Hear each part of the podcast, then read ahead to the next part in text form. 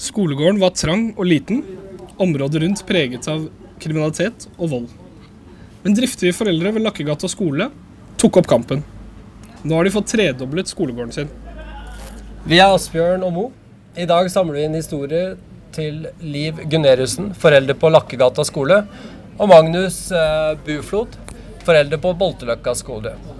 Også det er en skole med svært lite uteareal, der foreldre nå kjemper for siste mulighet til utvidelse av skolegården. Så vi har, eh, er her på Café Nero i dag, på Bislett, eh, rett ved Bolteløkka skole. Og grunnen til at vi er samla, er for å samle inn da nye historier. Folkehistorier da. folkeeventyr, Ja, men fra Oslo. Fra Oslo. og det er trangt om plassen i Oslo-skolen. Uh, uh, Helsedirektoratet anbefaler uh, ca. 50 kvadratmeter per elev uteareal på skolene i, i landet. I, Oslo, I de sentrale Oslo-skolene så ligger de på mellom 5 og 10 kvadratmeter. Altså ned til eh, ti ganger mindre enn det som er anbefalt.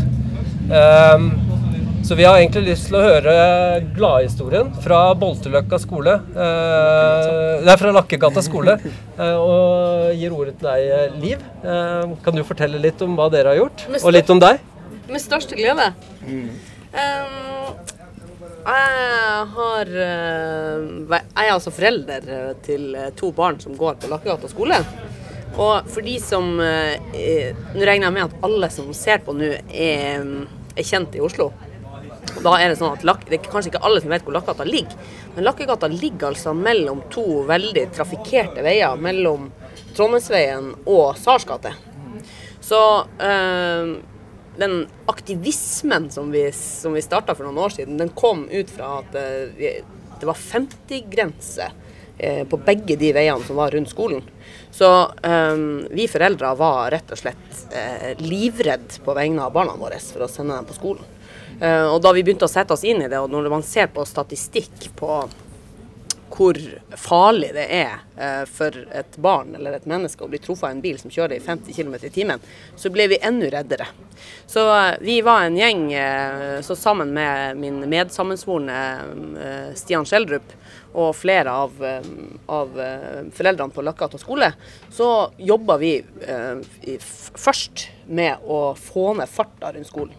Så da gjorde vi oss en del erfaringer om hvordan man kan få til sånne ting. da, For det er jo ikke bare bare å skjønne seg på hvordan eh, Oslo kommune er bygd opp, og hvordan politikken funker, og, og hvordan man skal liksom få til å eh, få til endringer som gjør at, eh, at vi får det sånn som vi ville ha det. da.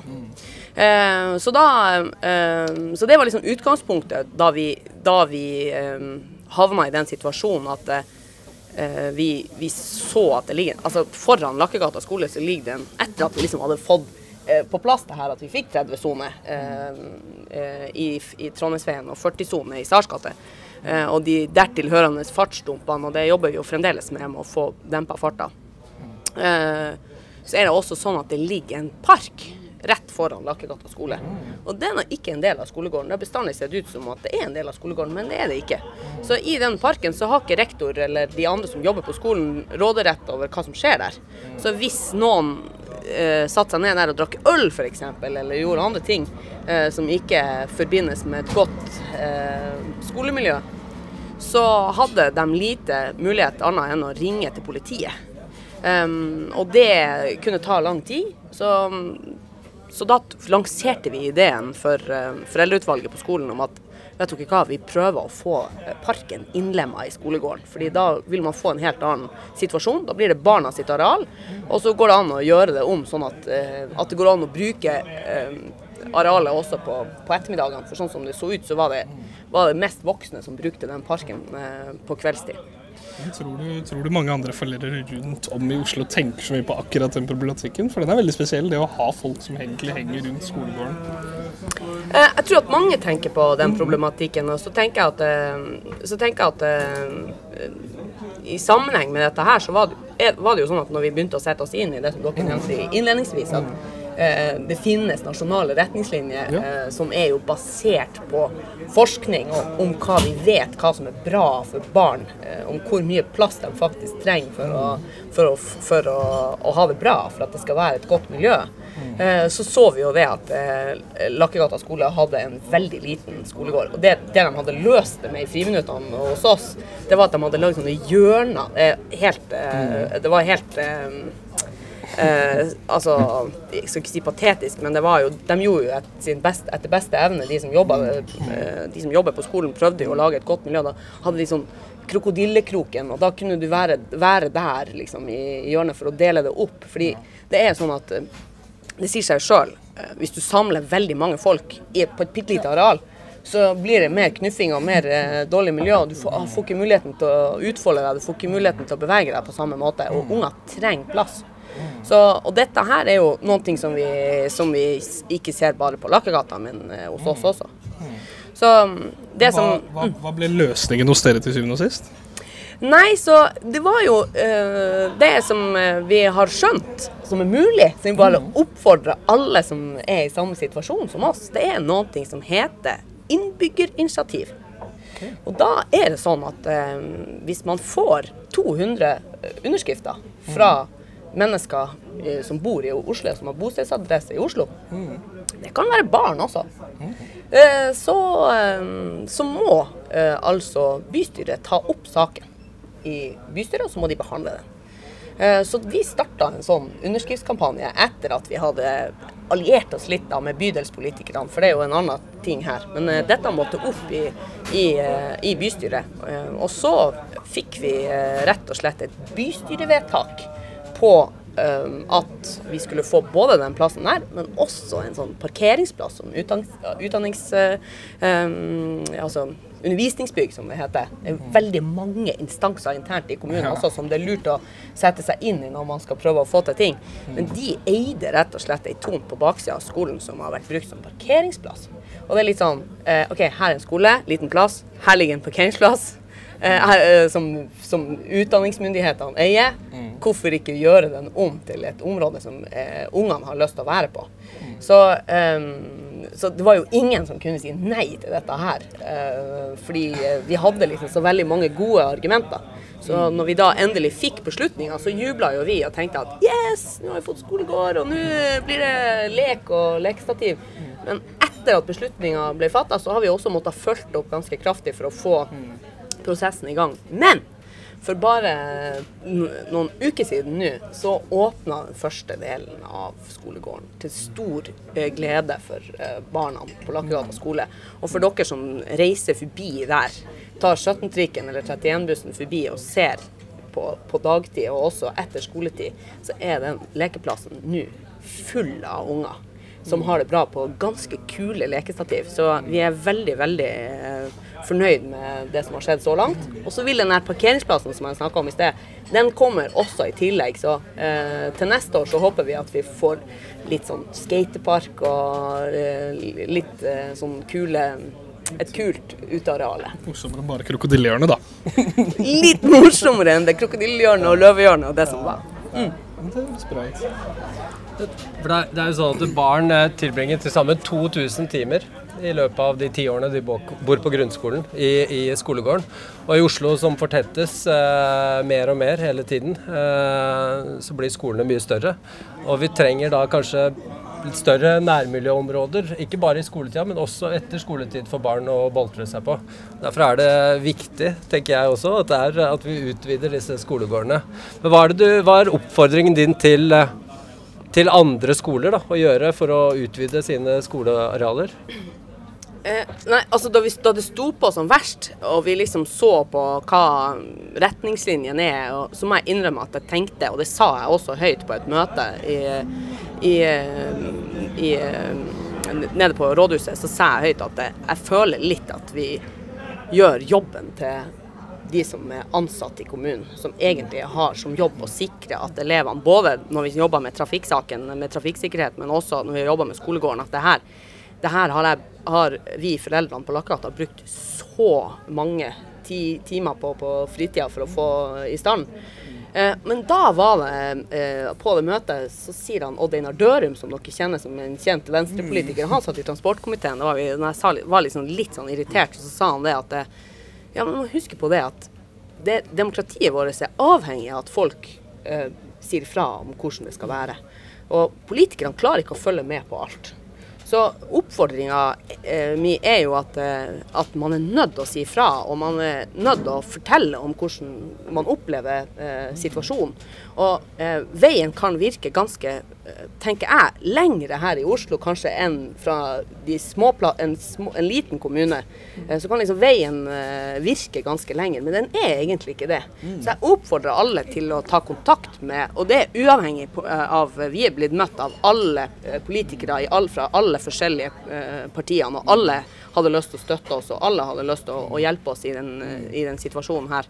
Og, og, og det oppfordrer jeg bare alle til å ta kontakt med, med bydel fordi bydelen kan være en veldig, veldig viktig eh, støttespiller inn, i, eh, inn mot eh, sentrale, mot bystyret og mot de som styrer kommunen sentralt. Så, så også, også slutt å, eller ikke slutt, men prøv å tenke at veien kanskje ikke er så veldig lang, da. Og at de politikerne som sitter i bydelen, de er veldig opptatt av å, å snakke med innbyggerne som som bor i, i bydelen sin. Så Det er vår erfaring, og vi har bare møtt uh, velvilje derifra. Og så er det jo liksom noe med hvordan byråkratiet fungerer internt i Oslo, skal ikke jeg komme inn på, men har vi jo fått beslutninga vår, så nå blir det jo skolegård uansett. Så. Og da må jeg jo bare også få si at når den er helt ferdigstilt, så blir det en stor fest i skolegården. Da skal vi feire. Og da, invitert, da, da er dere så hjertelig invitert. Da blir det konserter og mat og underholdning da, og glade unger. Så, så, da håper jeg dere kommer. Tusen takk for det. Jeg kan bare si kort at eh, Majorstua, Grünerløkka og Tøyen skole ligger på mellom fem og seks kvadratmeter eh, per elev. Så har du da Fernanda Nissen, Uranienborg, Kampen, og Gamlebyen, som ligger på 10 kvadratmeter, eh, opptil 10 kvadratmeter per elev. Men vi har også her eh, deg, Magnus, fra, fra, fra eh, Bolteløkka skole. Også en av de minste skolegårdene i landet. Eh, nå planlegger eh, nå planlegger uh, noen utbyggere å bygge et uh, sjuetasjers bygg rett foran skoleplassen. Det siste tomta som er tilgjengelig for å kunne utvide. som også vil føre til mer, mindre sol, mer skygge, inn på den asfaltplassen dere har. Hva er det dere gjør for skolen, og hva slags initiativ er det dere har tatt? Og hva er det dere håper på? Vi har jo mye samme, gjort mye av de samme tingene som man har gjort på Lakkegata. Vi har eh, eh, hatt et innbyggerinitiativ eh, og fått eh, saken inn til rådhuset for behandling der. Og vi har jobbet opp mot politikerne i forhold til å skape forståelse for eh, de behovene en barneskole har for arealet hvor barna kan leke. På Båtløkka så er det ca. 5 kvm per barn. Um, og Det sier seg selv at uh, når et barn som har lyst til å ha en rolig lek i skolegården, møter et barn i full fart som trenger å løpe fra seg i, i friminuttet, så blir det mange konfliktsituasjoner. Um, når, uh, ved vår skole så har man jobbet lenge med å se liksom, hvor er mulighetene for å utvide skolegården her. og Den ligger inneklemt mellom mange bygg. Uh, det er en, en, vei på oversiden av skolen som, som vi har sett at den kunne man kanskje innlemme i skolegården. Men det er ikke som på Lakkegata en, en park i nærheten. Eh, men det er én tomt. Eh, og det er klart Når noen tenker at der skal de bygge et syvetasjers hus, så, så, engasjerer det foreldrene som ser at kvaliteten på skolegården blir en helt annen hvis du får et stort hus som eh, skjermer for solen inn i skolegården. Um, og da fikk vi, fikk vi med uh, de som bor i nærområdet og, andre i Oslo til å engasjere seg i den saken, sånn at vi fikk uh, saken politisk behandlet. For det er, jo, det er, jo, et godt poeng som du tok der, som veldig mange kanskje ikke tenker alltid nødvendigvis på. Det er jo det med mobbing. Man jobber jo veldig mye i Oslo rundt det med mobbing og mobbekampanjer. Og så har man jobbet veldig mye med det å bygge ut også skoleplassene. Så er jo da det store problemet vi har, hva med skolearealene? Det er jo der mesteparten av mobbingen skjer. Um, jeg vet ikke om du kan utdype litt mer. Hva er det du opplever egentlig? Hvordan, er, hvordan ser en skole, en frigård ut? da? På Boltløkka når det er friminutt? Altså det, er, det er så tett med barn der at barna deles i friminuttene for å få det til å gå rundt. Um, uh, jeg, jeg, hører rektor han sier det. ikke sant? Hva er det som skjer? Jo, det er typisk at barna de løper på hverandre. De som spiller ball, kommer i konflikt med de som driver med annen lek. Um, det er barn der som har spesielle behov, uh, og som kanskje har et ekstra behov for å løpe fra seg, rett og slett, altså i friminuttet. Og det er ikke noe areal å, å løpe på. Du kan tenke deg selv hvis du setter, sy, setter fire barn inn på 20 kvm i leiligheten din, som trenger å løpe fra seg litt. Det blir fort kaos. Eh, det blir konflikter. Eh, og det blir situasjoner som vi ønsker å unngå. Og det er ikke mulighet til å ha variert lek som er tilpasset de behovene som barna har. Eh, på Lakkegata snakket de jo litt om det som er lekeapparater. altså Skolegården på Bolteløkka er en, en asfaltskolegård. Det kunne like gjerne ha vært en parkeringsplass. Um, I moderne pedagogikk så bruker man jo leken ute som en del av undervisningen. Der treffer man de formene som man ser som abstrakter i matematikkundervisningen. Man kan kjenne på en kule og vite at dette er en kule, og ikke bare se det som en sirkel i, i matteboka. Og Det er klart at det stimulerer jo barn som lærer på forskjellig måte. Og det å liksom ha arealer hvor det er mulig å ha sånne, en moderne skolegård da, som er tilpasset sånn som man tenker pedagogikk i dag, det er ekstremt viktig. Eh, det som særpreger de skolene, skolene, og skolegårdene vi har i Oslo sentrum, det er at det er skoler som er bygget for drøye 100 år siden. Mm. Margrethe Munthe er liksom Boltløkkas store helt. Eh, på den tiden hun underviste, så var det to skift på Boltløkka. 1200 barn.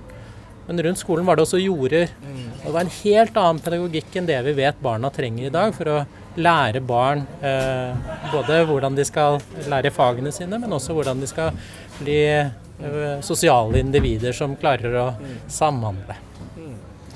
Nå har det kommet fram eh, litt nye opplysninger i går og i dag om, eh, om prosesser rundt Bolteløkka skole. Kan du fortelle litt om det, eller hva du har hørt? Altså, vi har jo, I møte med politikerne så har vi møtt det samme som ved Lakkegata. Veldig mye positive holdninger. Til å begynne med så var det en veldig skepsis til hva det ville koste, koste spesielt å innlemme denne denne tomta i skolegården, istedenfor å la en utbygger bygge et stort høyhus der. Eh, de siste signalene vi får, det er at det er veldig positive holdninger. Eh, og så er det sånn i politiske prosesser at før det er noe vedtak, så, så er det vanskelig å si hva som skjer. Men, men, eh, men, det er litt som på Lakkegata at vi ser at det er vanskelig å si nei, da, og det, det er bra. Så vi håper at vi kan havne i samme situasjon som på Lakkegata, at vi snart kan ha en feiring for å ha vunnet den første seieren. Men jeg er selvfølgelig vel vitende om at, eh, at, det er langt frem, eh, hvis man skulle få gjennomslag for dette, til man har en skolegård som, eh, som fungerer for de barna som går der. Du kan ikke også legge under en stol at disse skolene har vært veldig heldige som har dere, som egentlig er Nå skal jeg ikke kalle dere ressurssterke uten at jeg vet hvordan dere har det, men ganske, dere virker som ganske ressurssterke mennesker som har den tid og engasjement som kreves for å faktisk få dette til. Eh, jeg sjøl er jo vokst opp på Tøyen i en periode hvor vi hadde en skole med veldig mange barn kan du si, med innvandrerbakgrunn. Ikke veldig mange foreldre pratet norsk, ikke veldig mange foreldre skjønte systemene. Um, og der gikk vi jo fra en 20 kvadrat leilighet med fire barn til en skoleplass med enda mindre plass. um, så hvor, hvor, burde ikke dette også på et senere punkt også vise en presedens for kommunen, hvor da man kan ta disse skolene som kanskje ikke nødvendigvis har den denne muligheten da, for å ta disse søkene? Jo, det, det, tror jeg er veldig viktig. og Det er jo for så vidt det vi også hører når vi snakker med politikeren uh, om denne saken. Vi har, uh, vi har, selvfølgelig adressert situasjonen på Bollklokka, men også det generelle uh, problemet. På, um, nå har skoleetaten nettopp hatt en sånn skolebehovsplan. og Der er det veldig fokus på hvor mange barn er det plass til i hvert bygg. og Det er klart det er mange steder hvor det er vanskelig å få alle barna i bydelen inn på skolen og få denne kabalen til å gå av. Og Vi har sagt nettopp det at det er viktig at man når man tenker skolebehovsplan fremover, så kan man ikke bare se på hvor mange man klarer å putte inn i bygget, men også hvor mange det er plass til. Og Det kan ikke være sånn at det skal være tilfeldig at det er noen ressurssterke foreldre på skolen som tar det, tar, drar lasset. Det må være en systematisk tenkning fra kommunens side. Samtidig så tenker jeg at av og til så må det nettopp noen som klarer å gå foran og, og vise at her er det et behov, eh, til som gjør at man man kan gjøre, gå fra å se det som et enkeltstående problem da, til et, et generelt, en generell utfordring, og, og, ta tak i den systematisk. Uh, og, noen steder er det jo lett å gjøre noe med det, eller lettere å gjøre noe med det. Og andre steder er det, er det begrenset med plass. Vi kan ta Møllergata. Eh, det er ikke så mye arealer å ta av der. Eh, som er en skole som jeg kjenner litt til, og som ligger i denne bydelen. Vi har jo eh, Tøyen skole bl.a. Eh, der har jo eh, ordfører Marianne Borgen var ute for eh, to år siden og lovte å utvide skolearealet deres. Der har det ikke skjedd noe enda, selv om foreldrene kjemper fortsatt en innbitt kamp for å få den utvida. Det samme på Gamlebyen skole. Der er det også en kamp og politisk vilje, men det skjer ingenting. Så det virker jo som at det er mange Eh, lærere og foreldre og elever rundt omkring på skolen som prøver å få noe til. Da. Men det virker jo som at det er, eh, det er et sted det stopper. Dere har jo fått noe penger, vet jeg. Klart å skaffe noen midler inn. For det, det, virker som at det er penger det står på for politikerne for å få mm. det her til. Eh, og kan du fortelle litt om dere har fått, eh, hva dere har gjort, og hvordan dere har fått til det? Ja, da må jeg bare Det kan ikke jeg ta noe så veldig mye ære for. For da, da skulle vi hatt han Stian her. Han sitter jo i lokalet, og, og, for han har eh, bare vært en primus motor på å søke midler um, utenfor, altså private midler fra Sparebankstiftelsen og fra forskjellige andre stiftelser som gjorde at eh, da, vi, eh, da vi prøvde å få til noen ting på ja, Det er en litt sånn komplisert historie, fordi vi fikk det vedtaket som jeg fortalte om, at eh, ja, dere skal få utvida skolegården. Og så sier eh, Undervisningsbygg, at, eh, eller de som styrer det her, at vi har bare råd til å gjøre noen ting på den lille parken som jeg snakka om, men den parkeringsplassen den får bare være der. Men dere kan bruke den. og så Vi setter opp noen basketkurver, men det er jo ikke noe koselig. Dere som har en asfaltskolegård, det er jo ikke noe hyggelig. Og det er i hvert fall ikke hyggelig på, på kveldstid eh, når det bare er asfalt. Så vi tenkte at eh, eh, vi, spurte, vi, spurte, elevene hva dere har lyst til å ha her. Hva syns dere elevrådet og involverte elevrådet i å si hva, hva, hvordan kunne dere tenke dere å bruke eh, denne plassen her, og hvordan det skulle se ut. Og de hadde lyst på skatepark.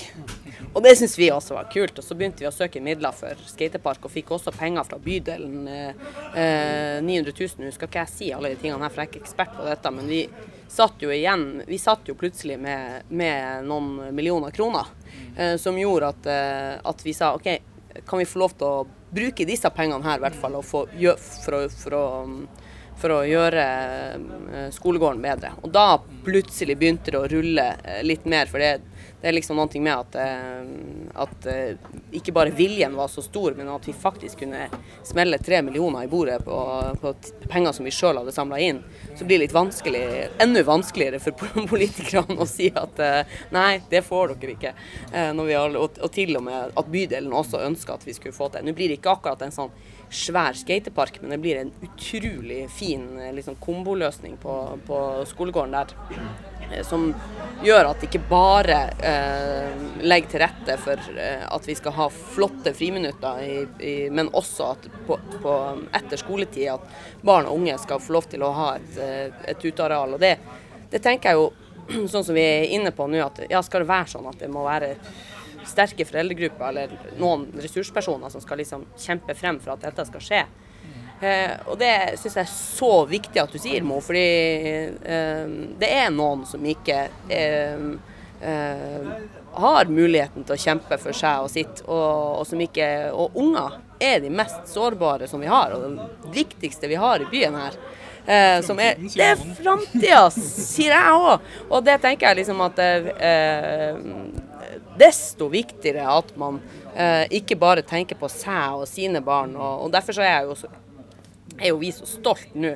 For at ikke, eh, Mine unger er jo snart ferdige på, på Lakkegata og skal begynne på ungdomsskolen om noen år.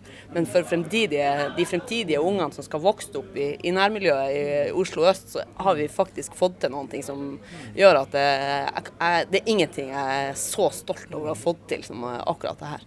Så det er verdt alle timene og all kampen og alt blodslitet. Og vi, start, vi starta jo opp med at mange var liksom sånn Nei, det der kan dere bare glemme. Det kommer, det kommer aldri til å skje. Og så er det liksom Jo, nei, dette skal vi bare få til. Og jeg tror nå, når, når, du eh, snakker, Magnus, så høres det jo ut som at det er mange som er på glid. For det er liksom sånn Å, private aktører, 50 millioner, eller hva det er snakk om. Eh, ja, men det går an. Hvis det er vilje, så, så får dere det til. Ja, for hvor mye koster egentlig den tomta? Nei, altså det er veldig vanskelig å si. Vi har jo hørt uh, forskjellige tall. Vi, og, um, vi har vært veldig lite opptatt av det fra foreldrenes mm. ståsted. Vi mener vel at hvis man skal drive skole i Oslo by, så må man bruke de pengene som trengs for å drive en bra skole der. Um, og, og, det er mye dyrere å ikke gjøre disse tingene, sånn at dette blir bra skoler. Det handler om de individene som da kanskje ikke får den skolegangen som de fortjener. Um, det handler om at man kanskje må bygge en ny skole et helt annet sted. Starte på nytt. Erverve tomt der. Uh, og det tror jeg politikerne de så at vel, men dette er jo en investering nå. Uh, en tomt som dette dreier seg om, den vil kommunen kunne selge den dagen man ikke skal drive uh, skole der lenger. Um, og kommunen har penger. Um, men vi som bor her, vi må jo være med å bestemme hva de pengene skal brukes på. Skal vi bruke det på infrastruktur som fellesskapet trenger? Um, eller skal vi bruke det på andre ting? Ja, det er jo uh, Skolebygging i Oslo er uh, et av de største byggeprosjektene i byen. Uh, det skal ferdigstilles 18 000 skoleplasser før 2022. De fleste av disse skoleplassene skal puttes inn i, i, eksisterende skoler. Og det er veldig lite fokus på skolearealene. Så helt til slutt, hva er oppfordringene deres til byens politikere? Hva er det de bør satse på? Barna. Er det greit. Nei, man må satse på barna, altså. Dette er fremtiden vår. Det er de som skal sikre pensjonen vår, rett og slett. Så vi må legge til rette for at de lykkes.